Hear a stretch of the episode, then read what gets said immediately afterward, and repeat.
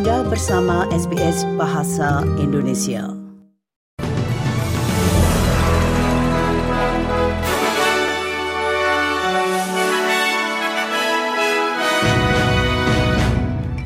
Berita terkini SBS Audio Program Bahasa Indonesia untuk hari Jumat 8 September 2023. Perdana Menteri Anthony Albanese akan menjadi pemimpin Australia pertama yang mengunjungi China dalam tujuh tahun ini setelah menerima undangan dari Presiden Xi Jinping. Pembicaraan bilateral tersebut terjadi setelah ketegangan diplomatik yang sudah berlangsung lama mereda menyusul negosiasi tarif perdagangan tahun lalu. Albanisi mengatakan bahwa hak asasi manusia termasuk penahanan jurnalis Australia Cheng Lei dan sengketa wilayah masih menjadi bagian dari diskusi itu.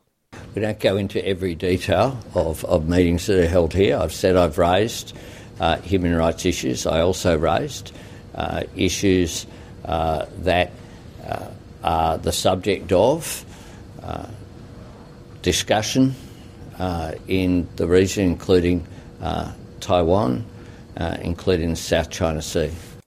Albanese mengatakan terima kasihnya kepada Presiden Xi atas undangannya dan menekankan pentingnya melanjutkan komunikasi antara kedua negara. The cooperation and engagement between our two countries is always improved when there is dialogue, when there's discussion.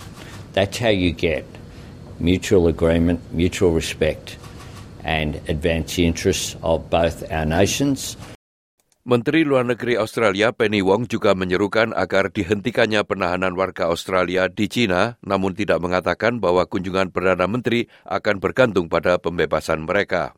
Uh, in relation to Ms. Cheng Lei and Dr. Young, uh, we remain concerned about their ongoing uh, detention. We have put our view very clearly on behalf of the Australian people that we would like to see Ms Cheng Lei and Dr Young reunited with their families. Sementara itu, di lain pihak, pejabat Perdana Menteri Australia Richard Miles mengatakan Australia akan terus bernegosiasi dengan China mengenai hubungan perdagangan mereka. Richard Miles yakin diskusi itu akan produktif. We will continue to advocate to China in respect of greater trade in relation to wine. uh, as we have in relation to a whole lot of other commodities, including barley, for example, where we have seen uh, that trade come back online. Pemimpin oposisi Peter Dutton menolak gagasan bahwa koalisi akan menyimpang dari komitmennya untuk mencapai net zero pada tahun 2050. Hal tersebut terjadi setelah komentar anggota Parlemen Partai Nasional, Barnaby Joyce, yang mengatakan bahwa perkiraan biaya nol bersih sama sekali tidak dapat dipertahankan. Namun Dutton mengatakan kepada ABC bahwa koalisinya mempunyai dukungan kuat terhadap kebijakan net zero. It's a policy that we took to the last election. I've recommitted to it. We won't be departing from it. And uh, I, I believe very strongly we need to have a proper debate about how we credibly reduce emissions in this country. Para pejabat yang mengadvokasi suara masyarakat adat di parlemen telah mendorong seluruh warga Australia untuk mendaftar sebagai pemilih. Pejabat Perdana Menteri Richard Miles bergabung dengan anggota parlemen independen Kilia Ting di sebuah stasiun kereta api di Sydney, sementara pemimpin Partai Hijau Adam Bent dan asisten Menteri Kesehatan Greg Kearney telah berkampanye di Melbourne. Juru bicara kampanye Yes 23, Chloe Witten mengatakan lebih dari 35 ribu sukarelawan akan keluar dan berbicara kepada publik sampai hari referendum pada tanggal 14 Oktober mendatang. So if uh, you are one of those people who uh, may not have made up your mind yet or may need some more information, please come and talk to one of our volunteers, uh, engage with our campaign uh, and be a part of what will be a unifying moment for Australians. NATO mengatakan masih belum memiliki bukti yang mengindikasikan bahwa puing-puing pesawat tak berawak yang ditemukan di wilayah Rumania disebabkan oleh serangan Rusia ke Rumania. Sekretaris Jenderal NATO Jens Stoltenberg menanggapi klaim yang dikeluarkan oleh Ukraina bahwa mereka telah menembak jatuh sebuah drone di Rumania pada hari Senin yang lalu. Stoltenberg mengatakan, NATO telah meningkatkan kehadirannya di perbatasan negara-negara mitranya di Eropa Timur sebagai respon meningkatnya aktivitas militer Rusia. What we have seen, of course, is uh, a lot of fighting and, uh, and also air attacks close to NATO borders.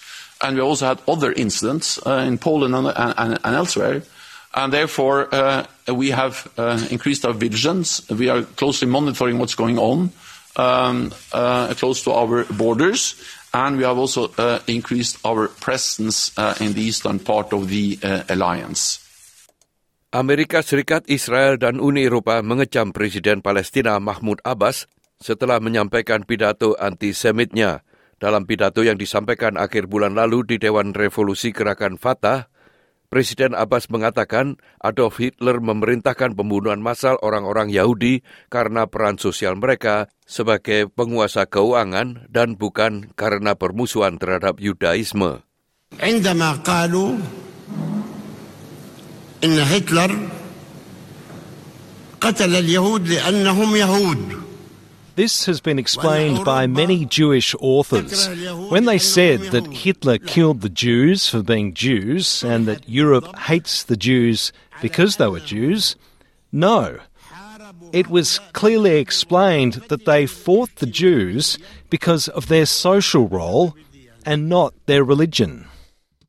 Sekian berita SBS Audio program Bahasa Indonesia yang disampaikan oleh Riki Kusumo.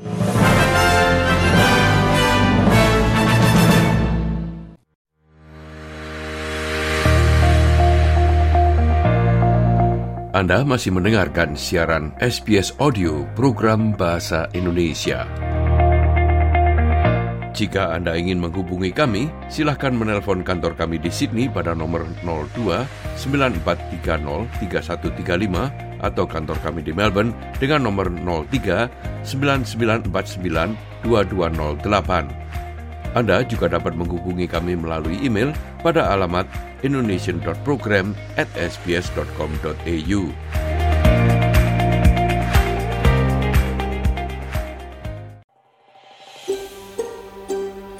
Sukai, berbagi, komentar. Ikuti SBS program Bahasa Indonesia di Facebook.